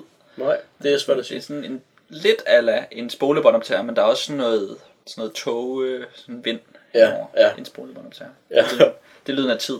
Og er sådan lidt uhyggeligt spøgelse, der Ja. står og flapper. Det er præcis. Men derudover så manglede de lidt det der øh, desaturerede filter, som moderne gyserfilm skal have på. Og noget mere sådan øh, støj på billedet. Mm. Åh ja, Meget clean billeder, de havde tiden. det er rigtigt. En anden effekt, øhm, der hvor et, øh, Sam er ude til billeder, så tager hun et billede af Jerry, og så når hun sidder og kigger igennem, så, øh, så ser hun, at Jerry er sådan helt øh, ødelagt og distorted. Nå ja, og hans ansigt er helt, ja. Fordi at billedet er blevet ødelagt af den ondskab, der omgår. ham. Ja, Nå, var det det, hun så? ja. Yep. Jeg kunne, øh, jeg, kunne, jeg kunne ikke se, hvad det forestillede. Jeg kunne se, at der var sådan nogle røde streger på billedet. Så det er ligesom, hvis man ser noget i Media Player Classic, og så kommer man til at trykke Ctrl-T, fordi man tror, man bruger sin browser, og så kører den sådan et eller andet rød streg nedover. Det lignede sådan lidt, ja. så var totalt forvirret. Ja, men det var også, altså det var også virkelig øh, tjusket, eller altså kedeligt lavet, at han var ond. Nå, men så blev det sådan lidt gnidret. Det kan man godt lave mere effektfuldt. Ja, man tænker, han står der og kigger på sådan en zombie, der kommer gående hen over sneen, som vi godt ved, det kun er ham, der kan se. Han er sådan helt ligeglad, og så vender han sig om, så tager han et billede af ham. Og så det bedste, de kan finde på at lave med et uhyggeligt billede, det er så...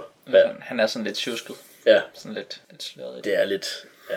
Men filmen kan vel godt lide ideen om, at der overhovedet ikke er nogen ondskab, og det er bare ham, der er sindssyg. Ja, det tror jeg. Jeg ved det ikke helt. Altså, de gør så meget ud af at lægge op til, at der er en ondskab. Ja, det- det er de det. snakker så meget om det Hvem der. dræbte Lyle? Ja, og hvem dræbte ja. Lyle, og alt muligt spændende. Det er rigtigt. Men altså, de vil også gerne have... Altså, det er som om, de, de på en eller anden måde gerne ville have, at vi var overrasket over, at det bare var noget, han forestillede sig. Eller også, at vi skulle være overrasket over, at der var en ondskab eller sådan noget. Ja. Men der var ikke nogen af tingene, som er over- overrasket over, fordi det hele var skåret i pap lige fra starten af filmen. Altså, okay, der har været kannibaler her, og nu er bjerget fordømt for altid. Okay, så der er nok en ondskab. Så kommer de op, så... Ah, han har ikke taget sine piller, og nu forestiller han sig, at ligesom, vi ved ikke er der. Altså, det får vi jo demonstreret. Der er ikke Ja. nogen, der er i tvivl om, hvorvidt det er der eller ej. Ja. Han ser det. Det- Og så er det bare, ja okay, så nu er han blevet sindssyg af ondskaben, så det er bare sådan en ondskab, der gør folk sindssyge. Ja, så det Og er så den... måske han Ja, ja. sindssyg. så det er, det er sådan... Altså, begge ting på den kedeligste måde overhovedet, egentlig. Jeg tror måske, jeg var lidt overrasket sådan på et tidspunkt, hvor han bare, øh, der var han givet til at skyde af vinduet. Men Ja. ja. det er sådan mere bare fordi, ja okay, han er ond, så måske er han i gang med at ville slå dem alle sammen ihjel, men hvorfor sidder han så inde på sit soveværelse og kigger, mm. i stedet for bare at gå ned og slå dem ihjel? Det er den kedeligste måde at være ond på os, altså. Ja, han sidder ja. bare og kæmper. det gør han virkelig. Den nisse, mand. Så er på sit soveværelse og lurepasser med sin ondskab. det er da helt vildt. Men så er det et held, at, øh, at når Matt bliver skudt i ryggen, så tager han det i stiv arm. Ja. Og hvorfor giver hun sig til at grave de der havl ud? Ja, men... Nå, men jeg finder lige noget i værktøjskassen, ja. vi kan grave de her havl ud med, Ja. ja. så du stensikkert ikke får en infektion, og helt sikkert dør.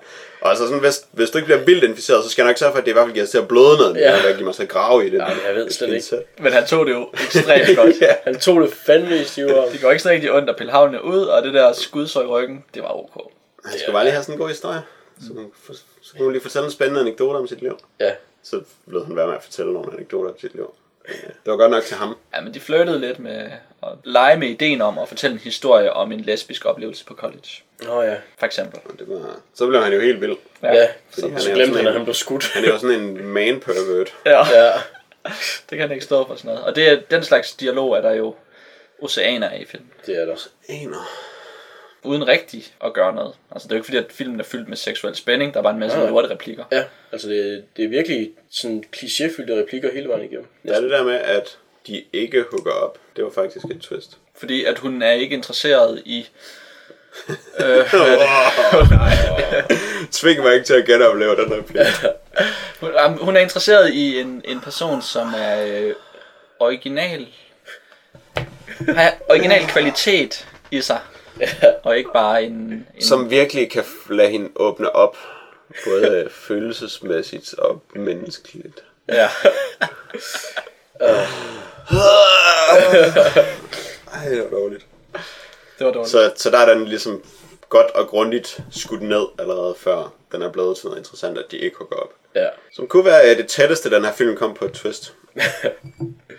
Ja, men vi kommer alligevel et, sådan et lille skridt tættere på et, øh, et, et ordentligt forhold sådan til sidst, på en eller anden måde. Altså, Så har han jo bevist, at han er sådan en, som hun virkelig kan åbne op over. Ja. fordi han fordi at, at han skød Maniac. Ja. Jeg slår ham med en, øh, et kojern. Og det- det er Ja. hende, der skyder ham. Ja.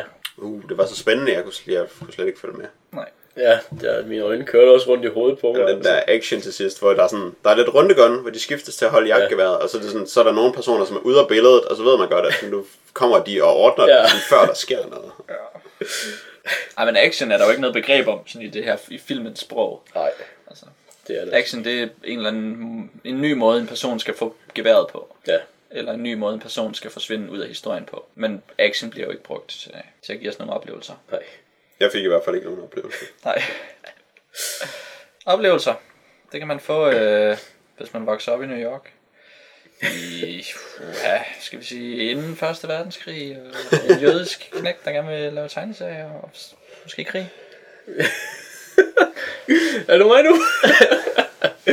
ja, for vi har læst Will Eisner's To the Heart of the Storm, som er sådan rimelig selvbiografisk. Øh, den er fra 1991, og det er en såkaldt graphic novel om Will Eisners øh, barndom. Sådan lidt, hvad der, øh, hvad der rører sig i hovedet på ham, mens han er på vej til, at, øh, til en træningslejr, øh, hvor han er blevet... Øh, ja, hvor han skal være soldat i 2. verdenskrig. Men hvem er Will Eisner den?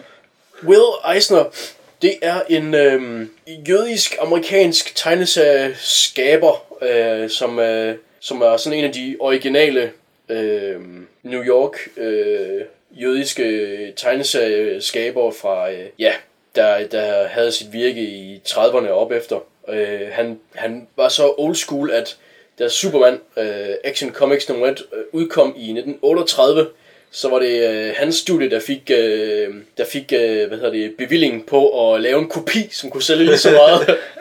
så han lavede så Wonder Man og blev sagsøgt for det, fordi den lignede alt for meget. øh, men øh, så siden han, så har han så lavet, han blev meget kendt i, i 40'erne på at lave The Spirit, den her øh, crime, øh, lidt øh, ja, noir-agtig, øh, men også meget andet, meget mere øh, tegneserie, som gik i, i, ja, i mange år, øh, som handler om The Spirit, der er en, en øh, politimand, der er formodet død, og så har han nu antaget den her nye identitet som The Spirit, som er sådan en ja, fyr i jakkesæt med øh, sådan en domino-maske, og så tæsker han bare folk. Det er Øhm, rimelig godt fundet på.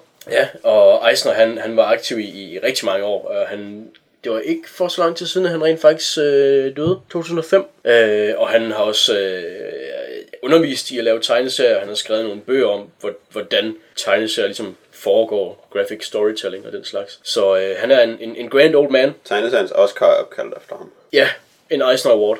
Ja, det er rigtigt. Så en grand old man, og øh, han har også skrevet de her øh, ja, recollections, de her selvbiografiske ting, som blandt andet To the Heart of the Storm er. Og har den vundet en af hans awards?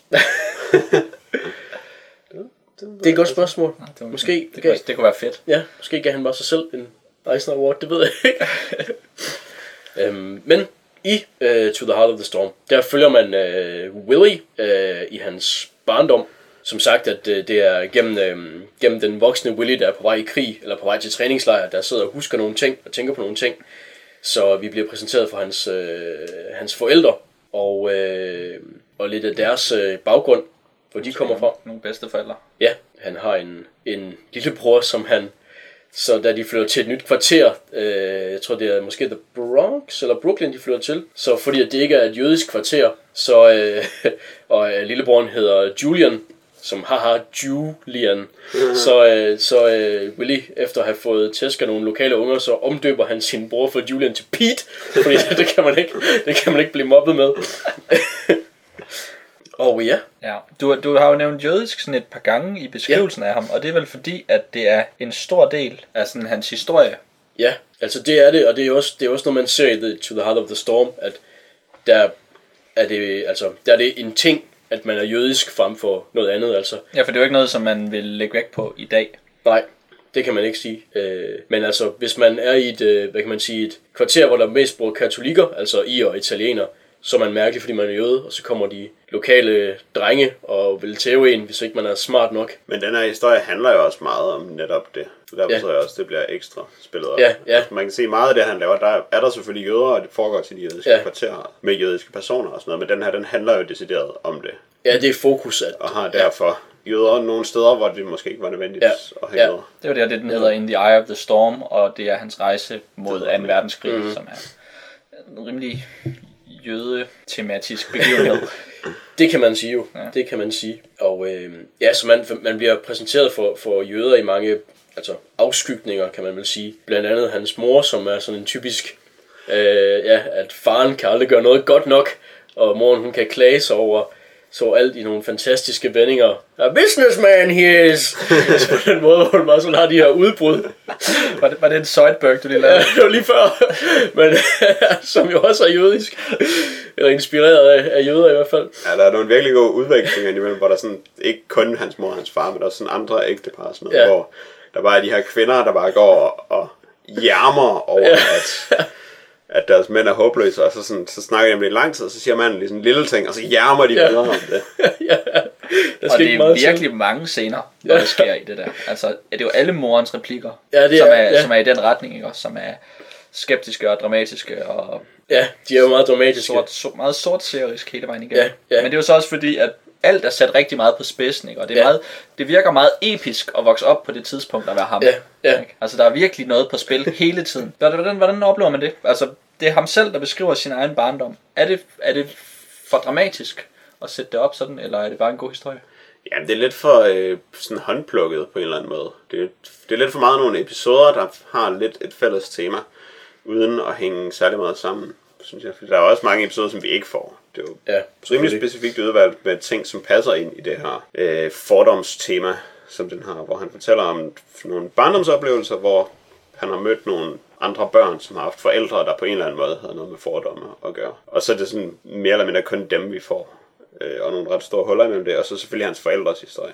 Det er ikke lidt som om, han måske meget gerne ville fortælle sin forældres historie. Måske mere, end han ville fortælle en historie om sig selv. De er også ret gode. Ja, det er rigtigt. Eller, hvad- eller jeg synes i hvert fald, farens historie er ret spændende. Øhm, i, Ja. sådan med, det, ved jeg ikke, det er da bare sjovt at høre om det kunstneriske miljø i Wien i øh, sådan omkring Ja. århundredeskiftet. Ja. Og hvordan at, øh, at han er i lære hos en, en rigtig idiot maler, Ja. og så driller han ham ved at male en flue på Ja. en af hans vigtige kirkemalerier. Altså, jeg kan måske bedre lide både Eisners skildringer i New York, som for eksempel morens historie, øh, og i det hele taget emigrantliv. Det der med Wien, det, ja, det, det er meget snorigt og hyggeligt, men jeg kan godt lide New York, og den der øh, sådan virkelig... Han har så meget fornemmelse for, hvordan det bybillede er, når han tegner New York, Ja. og når han beskriver mennesker, som er i New York. Selvom de er sådan lidt karikerede, så føler jeg virkelig, at øh, det bliver meget relevant for mig, selvom jeg hverken er jøde eller emigrant, eller fra New York, eller fra 30'erne for den sags skyld. Ja, han er rigtig Ja. god til at tegne den der sådan unge bølledreng Ja, ansigtsudtryk. Ja. Ja. Ja, og fortvivlede kvinder. Også Ja, det. Ja. Det er han også god til, ja. Ja, det er ja, og også det kropssprog, som folk de har. Jeg synes, meget tidligt, så er der... Øhm, han, meget tidligt, så hører man sådan en historie, hvor de flytter til et nyt kvarter, og så kommer Willy så op og slås med nogle unger, og så kommer Tony, øh, som en af ungernes far, som han, han åbenbart bidt den her knægt i, i øret, og så vil han så tæve Willys far, og så ved hjælp af noget jøde, snusfornuft, så kommer de så ikke op og slås alligevel, men så ham der Tony, der han står bare i alle mulige kampstillinger, og det er bare så skægt, mens ham der far, han bare står og trækker på skuldrene, sådan, hvorfor vil du slås med mig, jeg flytter hertil, og jeg, jeg flytter ikke igen, det har jeg ikke råd til, og sådan noget. Jeg synes, du er nødt til at komme forbi og tæve mig hver dag, hvis der er, og så kan han jo godt se, at det er noget, ja, han ikke rigtig kan gøre det, men han står bare og vil slås på alle mulige, mange, på alle mulige måder, og sådan op med paraderne og sådan nogle ting. Det synes jeg, det, det kropssprog der, det er virkelig, det er virkelig så skægt. Ja, han mestrer meget karikaturens kunst på den måde, hvor han kan overdrive ting, og så få dem til at virke mere realistiske, fordi han overdriver ja. dem. Ja, Han har også det der med, at folk de altid går så meget foroverbøjet, så de stritter med måsen, når de går steder hen. Ja. Sådan, hvis man tænker over det, så ser det helt vildt fjollet ud, men det er, lige- de er meget levende og meget sådan ægte. Ja, det er rigtigt, det der øh, billede af en dreng, der løber, som er totalt altså ud af balance. Mm. Sådan et Ja. billede med sådan en, en altså totalt sammenkrøbet sådan øh, løbeposition. ja, Ja. Men også når øh, forfærdede kvinder, de sådan står og læner sig bagover, næsten 45 grader bagud, som jo også er overdrevet, men som alligevel, altså man, man fornemmer virkelig, hvad det er, de udstråler ja. i de situationer. Det er rigtigt. Og ham, bådbyggeren, som du citerede, Jack, øh, der også mener, at det kun, der kun kan være en revolution, for der kan stoppe det her antisemitisme, hvor han siger det, hvor han også bare har sådan en næven i vejret, sådan rigtig, man kan lige Ja, han begynder bare at råbe. Ja, ja, det er det. vildt, sådan lige pludselig ud af det blå. Ja, lige præcis. Man kan lige se det flag, der blaffer, det røde flag, der blaffer i baggrunden for ham og sådan noget, altså. Det synes jeg virkelig, det er, det er virkelig godt. Men det, som var problemet, var jo, at historierne de hænger ikke sådan særlig godt sammen, synes jeg. Og de fortæller ikke en historie til sammen. Nej. Der er nogle meget gode episoder. Og han laver jo tit, han har jo lavet andre, som for eksempel Contract with God, som måske ja. Er hans største hit, som jo er fire forskellige historier om forskellige mennesker. Der bare er sådan nogle små historier, men hvor de alligevel mere er tænkt som en historie, hvor når man sætter det ind i den her rammefortælling med, at han er på vej i krig, og det er hans liv, der hænger sammen og sådan noget, så mangler der lidt noget sammenhængskraft. Ja, det er som om, han er lidt for bange for at lukke historien. Altså, ja. Ja. og ligesom at sige, det her var min barndom. Ja. Den, det, det, det har han måske ikke overblikket til, det har han måske ikke lyst til at gøre. Ja. Så i stedet for, så bliver det sådan lidt vagt, så får vi et indtryk af hans barndom, men der var meget mere, som vi ikke har fået. Ja, nemlig, og jeg tror, det er fordi, han ikke rigtig har skrevet historien om sin barndom. Han har skrevet en historie om fordomme i sin barndom. Så det er sådan meget et enkelt tema, der er udvalgt. Ja, det er det. Og, altså, jeg ved, selvfølgelig er fordomme altid et relevant tema, men jeg ved ikke, hvor relevant den del af, af tegneserien bliver. Den del af historien. Det ramte ikke Det er mig særlig, særlig godt. Altså, det, det minder rigtig meget om noget, man, altså den måde pointerne bliver leveret på, minder om sådan noget, man ville læse i, i 8. og 9. klasse omkring fordomme i Ja. en eller anden roman. Ja, Det er sådan forholdsvis, altså jo med lidt nuancer, og folk de kommer nogle forskellige kår, og så kan de ikke lide hinanden, og så skal de bare lige øh, blive lidt mere fornuftige, eller også så er de bare nogle dårlige mennesker, hvis de ikke bliver fornuftige. Og antisemitisme blandt småborgere, det virker bare som en, netop en historie om fordomme, som man har fået fortalt rigtig mange gange før. ja, det har man jo. Altså, vi har jo også, altså i vores folkeskoletid har vi jo fået tæsket 2. verdenskrigs temaer ind i nærmest også i sløjt, ikke? Altså, det har jo været helt vildt. Så det er noget, man er ret bekendt med. Øh, og derfor så er der måske nogle ting, som altså, der falder lidt for døve øren, fordi man ligesom har, det har man ligesom på plads, ikke? Altså, det tror Og der var altså for eksempel morens historie, den handlede mere om, hvordan det var at være ung, Ja. fattig kvinde i New York. Ja. I, det må så have været omkring 1900, vel? For eksempel. Ja. det, det, synes jeg var nogle meget mere spændende fordomme, og nogle meget Det mere det. spændende miljøer. Det lærte mig meget mere. Ja, jeg synes også, det var interessant med, med hendes historie, det der med, at hun er, hvad er det, hun er midt i en stor søskendeflok på seks, og så øh, har hun, nej, hvordan er Det det? var det. Hendes far og mor fik tre børn, Ja, inden moren døde, og så tog faren til Polen, eller hvor det var, de kom fra, og hentede morens, eller øh, ja, morens yngre søster. Ja. yngre søster. Ja. Øh, og hun fik så, jeg tror det var tre børn Ja, hun fik mere, også så jeg tror de endte med at være Ja. seks i alt. Ja, Øhm, ja, der er de to brødre, og så er der hendes store søster, og så er der de to små. Ja. det giver seks i alt. ja, det er sådan der, ja. Og så hvordan er de familie, altså den konstellation, den ligesom, når forældrene dør, så, så må de bare gøre, hvad de kan for ligesom at overleve, fordi der er ikke, der er ikke rigtig nogen, der kan Ja. passe på dem. Så passer de sådan lidt på hinanden, og nogen, der bare sk- skrider egentlig. ja. Så det, det synes jeg, der var, det var bare interessant. Den ville jeg gerne have haft, øh, at hele bogen bare handlede om, måske, mm. den historie. Det virkede som om, der var rigtig meget kød på den. Også sådan, hvordan de der forhold, de har udviklet sig til for eksempel... Altså, der er den ældste bror, som sådan, øh, han dropper bare de små søskende, Ja. der forældrene dør, og så holder han op med at være jøde, fordi nu skal han være læge, og så øh, finansierer han, at han sådan kan blive, få, tage det der lægestudie, fordi han skal ikke passe på andre end sig selv, Ja. så han arbejder bare og betaler for night school for sig selv. Og så er der ham, den næst ældste bror, som er sådan en, en skrøbelig blomst, Ja. der er ude i en eller anden mærkelig, et mærkeligt trekantsdrama, som man aldrig finder ud af, Ja. hvad det handler om. Ja, Og det kunne bare være sjovt at vide noget mere om, hvordan det udviklede sig. det er rigtigt. Den der familiehistorie, krønikedelen af den, Ja. er rigtig god. Ja, Jamen, det er rigtigt. Det vil være sjovt. Men selve hans barndom, der er historien Ja. ja. lidt for let fordøjelig og lidt for barndomsagtig Ja. ja. med tab og Ja, uskyld. ja, og sådan den der ja. romantiske genfortælling omkring, hvordan de ham og en ven byggede en båd, Ja. som tager utrolig lang tid, og som overhovedet ikke får nogen punchline, og ikke rigtig bliver sat ordentligt i forbindelse med temaet. Det er bare en, en fed historie at sige, at jeg byggede en båd som knægt, men den var ikke Ja. længere end det. Og så er der selvfølgelig noget med ham der vennen, som har noget med fordomme at gøre. Så Ja, ja, det har ikke noget med bådhistorien. Nej, er- Og jeg er den første, der så snart de gav til at bygge båden ned i den der kælder, så tænkte, husker de nu, at de skal have den igennem døren, ud af kælderen igen? Ej, jeg tænkte ikke. Det jeg, tænkte jeg, jeg ville jeg bare have bygget båden uden at uden noget. Ja, det tænkte jeg heller ikke på. Overhovedet så, ikke. Ja, Det, det første, jeg, var- tænkte, ja. da jeg så dem ikke ramme der, med den der dør i baggrunden. Og hvad skete der så? Ja, så kunne de ikke få båden ud. Ja, jeg synes, det er så fedt bagefter, hvor den, de bare sådan ligger hen over båden og bare sådan fuldstændig skuffet. Oh god, de bare sådan smider sig alt i båden der. To Igen, frames senere. Ja. så er den ude og samlet igen. De skulle bare tage toppen af, og så ud Ja, og sætte toppen så det var ikke så svært, men bare det der øjeblik, jeg ventede på i så lang tid, der var ikke perfekt. Det synes jeg, der var... Jeg tror måske også, det er fordi, Will Eisner, han er så god til at lave rum, når han tegner. Mm. Så man kunne virkelig mærke den der kælder og vidste, hvor alting stod henne. og Ja. den måde, som han sådan bruger negativt rum på, hvor øh, paneler Ja. de glider over hinanden i sådan Ja. nogle røgskyer og mørke og Ja, der er, meget, og ja, sådan nogle ting. der er meget interessant at hente der, synes jeg Der synes jeg godt nok, man føler sig meget til stede Ja. hele tiden. Ja, jamen det er rigtigt. Men altså, jeg tænkte på, sådan samlingsmæssigt, altså jeg kan godt se, at eller, det var heller ikke for mig, at der var den store, altså udover temaet med fordomme, så var der heller ikke det store, der samlede historierne. Men jeg tænkte på, eller det ved jeg jeg lavede bare meget i de sekvenser, hvor, hvor, øhm, hvor altså i nutiden, hvis man kan kalde det, hvor Willy han rejser i toget, og øh, så, hvad hedder det, hans øh, tyrkiske ven ved siden af, han har nogle forskellige aviser, og så er der ham der, den sådan lidt irriterende, der ryger, der sidder sådan bag ved dem. Øh, der, der, Hillbillyen. Ja, Hillbillyen, ja. Der var der meget i, synes jeg, at han hele tiden sidder og kigger ud af vinduet, og så i, i vinduet af toget, så bliver det så spejlet af alle de her ting, som man tænker over. Så jeg har det som, at han måske sådan prøver, eller det, det, det var en tanke, jeg havde, at han overbeviser lidt sig selv om, hvorfor han skal gå i krig på en eller anden måde. Hmm. Øh, det synes jeg sådan, det var lidt fedt. Men han har jo bare gjort det. Der Og han er, han er på vej til træningslejr. Jamen, han kan jo ikke slippe ud fra det. Altså, han har jo meldt sig selv. Men derfor tror, kan han han- jo godt forklare os, hvorfor han Ja. valgte Ja. at gøre det. Er det det? Men er det ikke det, han Det siger i, i, i restauranten, da han taler med sin redaktør? Og hvor redaktøren siger, vi kan godt få det ud af den her... Øh, Ja. ud, ud, af, ud af den her... Nå, jamen, øh, han, han er blevet indkaldt, men han har dog ikke meldt sig selv. Altså. Nå, men jeg troede bare, han selv havde været op og tale Ja. med... Øh, Og han, han får sådan et brev øh, okay. om, at han, øh, ja, han skal til, hvad hedder det, Forsvarets dag, som det hedder i Danmark nu om det. det hedder nok noget andet. session. Ja, Men han vælger jo så i hvert fald at Ja. gøre det. Ja. Og så kunne man sige, at resten af historien, den forklarer også, hvordan han er blevet den person, der Ja. valgte at gøre det, selvom han kunne slippe. ja, Så kan man godt sådan se lidt samlet. Ja. Ja. Men jeg synes bare, at krigen den stod mig bare så fjernt, Ja. hele vejen igennem den her. Det, Ja. Og jeg kan godt forestille mig, at det er noget, der lidt skal overskygge og informere det hele. ja.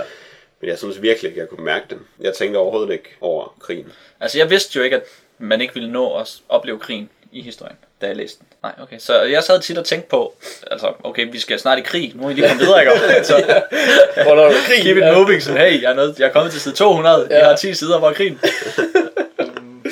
Ja. Så på den måde, så, så vil jeg gerne se den her uh, man in action. Ja. Den her Will Eisner udkæmpe en krig. Det kunne have været sjovt at se, ikke? Ja. Jo, Ja, det er får vi ikke lov til. Ja. Også fordi han virker jo ikke som... altså det kunne jo være, ja, eller, nu taler jeg for mit eget vedkommende, men jeg synes, Det var fyrkeri. Åh, oh, det var det, det var. hurra, Det var det der også. Jeg synes, det ville have været øh, meget rarere, hvis Will Eisner han bare havde skrevet sine erindringer fra Ja. ende til anden i en kæmpe bog. Hvor han har fortalt alle de der historier Ja. om sin barndom og sine forældre og hvordan han kom i krig. Det vil du gerne. Og så kunne jeg have læst om det i Ja. stedet for. Det, jeg synes, og jeg sad faktisk og tænkte på, at øh, jeg tror det var bag på den, der stod der et eller andet om, at det var øh, semi-autobiography eller ja. sådan noget. At det på en eller anden måde ikke helt var en selvbiografi. Og så kunne jeg bare mærke, hvordan den ville virkelig ikke betyde noget for mig, hvis det ikke havde været Ja. en biografi, det her. Det virker Så mærkeligt at havde det sige, at været den, så ja, ligegyldige historier. det er rigtigt. Det virker mærkeligt at sige, at den er semi-autobiografisk. Altså, selvfølgelig er det, og jeg tror, de er autobiografiske hændelser, det er mit indtryk. Men så er de Spørgsmålet selvfølgelig om det er semi-auto eller semi-biografisk. Åh, oh, ja. Wow. Det finder vi nok aldrig ud af. Er det nu også spørgsmål? Eller er det, er det så spørgsmålet? Ja. Nej, okay. Men ja, altså det er lidt... Men det, det, det, giver, det er et godt eksempel på, hvor skrøbelig en historie det er. Ikke? Ja. Ja, Mm. det er det nemlig. Man har virkelig en fornemmelse af, når man læser den her, at det er en historie, man kender. Altså hele den der Mm. vokse op i New York historie, og så alt, hvad der følger med den. Ja. Man har virkelig, man har set det i tv-serier, man har set det i, i spillefilm, man har læst om det, man har hørt sange om det. Altså det er virkelig, øh, det er virkelig kendte temaer hele vejen Ja. rundt. Bortset fra lige det der med moren og hendes opvækst. Ja, ja, det kan man så sige, at den er måske mere detaljeret. Og, Ja, Men den er også mere sjælden, Ja. som en historie, der bliver fortalt. det tror jeg. Men at være knight på det der tidspunkt, Ja. der er der godt nok rigtig mange øh, store kunstnere fra generationen på, ja. sådan på det tidspunkt, som vi sådan er vokset op med deres store kunstværker, Ja. som handler om deres barndom på det tidspunkt. Ja, det er det. Der er mange knejder for den periode, som er meget kendte. de forskellige, ja. Vi har sagt rimelig meget om. Det har vi. Så... Vi har ikke noget post. Så vi skal prøve noget omvendt psykologi og sige, at vi hader lytterpost Ja. Puh, Lad være. sådan noget post. med at sende post. Ja. Ej, tænk at have den sure pligt at læse sådan noget post der. Nej, det tror jeg, det er en dårlig idé. det er en dårlig idé. Omvendt ja. psykologi virker ikke på vores lyttere. Ja, Jeg tror, vi skal finde på et eller andet nyt og spændende. nå ja. Så vi skriver et eller andet sjovt Ja. eller spændende på Facebook og på vores hjemmeside. Ja. Omkring, hvad der kommer til at ske med lytterpost. En god vits. Konkurrence. Kan I huske, hvor meget lytterpost vi fik, dengang vi havde en konkurrence? Åh, oh, vi havde konkurrence engang. Nogle dage fik vi tre. Tre Det var helt lytterpost. vildt. Ja, det var tosset. Det var tider. Ja. Men forresten, det var egentlig vores øh, nytårsepisode, det her. Mm. Ja. Det er faktisk nu, vi burde have Vi burde have lavet redegørelsen over, hvad vi har lavet i løbet af året. Public service redegørelsen. Nå, det er rigtigt. Ja. Den bliver lige forsinket. Ja. Og så, øh, men plejer vi at lave sådan noget, hvor vi ser tilbage på året, der gik? Altså, udover at vi laver public service redegørelsen, så selvfølgelig, at, Nej. at vi, Vi havde- taler sådan om... Vi havde et år, vi talte om årets overraskelser og årets skuffelser, tror jeg. Er det rigtigt? Blandt Ja. vores egne Ja. episoder. Og så, ja, så det er ikke, altså det har ikke noget med året at gøre som sådan. Nej, men ikke sådan noget med, hvad, hey, hvad synes du om computerspil i 2012? Nej, det, det kan vi ikke. Ja, det kan godt være, jeg synes. Så... Så jeg har, jeg har ikke lige noget. Nej, Godt nytår. ja, det var noget galt lige før. Vi har heller ikke brug for at gøre noget. Vi vil minde folk om, at de skulle give os stjerner til European Podcast mm. Awards. Ja, måske har de allerede øh, set linket til artiklen i Dagbladet. Nå ja. Vi har en link. En, vi har en link. Det var i avisen. Ja. Igen. ja, Kan, det er ja. rigtigt. Altså to gange i avisen, så må det snart komme på tv, for fanden. så vi vil selvfølgelig gerne stemmes på til den her European Podcast Awards, som vi nok har nævnt. Det vil vi godt nok gerne. Ja, På Den et tidspunkt, så bliver vi desperat efter stjerner, at vi skriver noget på Facebook om det. ja. Det, det bliver slemt. Men ja, lad os nu lige uh, Ja. ja. holde hovedet koldt. Øh, hvor længe er det, man kan stemme på os til, til den her award, som vi er nomineret til øh, midten af januar. midten af januar? Så skal vi da tage i gang. Det er i dag den 2. januar. Det er dagen den januar. Wow. Så man skal tage i gang. Vi skal tage i gang. vi Så skal faktisk, når det næste afsnit udkommer, så, så er det lukket. så er det for sent. Så er det for sent. Så har vi tabt. Åh, oh, mand. Ja. Ej, det er godt, der er noget på spil. Ja. Øh, en e-mailadresse, Dan. Ja, Og så øh, kig ind forbi ddkkpodcast.dk. Der kan man øh, skrive en kommentar. Og så har vi en øh, Facebook-side. Hvis man går ind og liker den, så vil man få øh, de nyeste opdateringer og meddelelser. Og det, vi spammer ikke bare roligt. Det bliver en gang hver 14. dag, der, der sker noget der. Og så hvis det virkelig sker noget, så bliver det... Hold da op, der skal der ske noget. der skal noget helt vildt, altså. Det er ikke sket så mange gange. Man kan gå ind og se vores side, og så se, hvad vi har skrevet på den side. Ja, Vi nakker der kun hver 14. dag. det er det. Det kan du godt holde til. Ja, adresse. Øhm, skriv med post, med pest, med al mulig kritik og det modsatte. Det vil vi gerne have. Til, til en e-mail, som kommer her. Dan finder på den. Ja. Du kan tage det, snabelag ddkkpodcast.dk. Ja, det var meget godt. Tak skal du have, Dan. Det var så lidt. Og øh, ja, glædelig jul og godt nytår. Det er i dag øh, onsdag den anden. Det er det. Ja. Så vi vil være Januar onsdag den 16. Det må vi nødvendigvis. Farvel tak.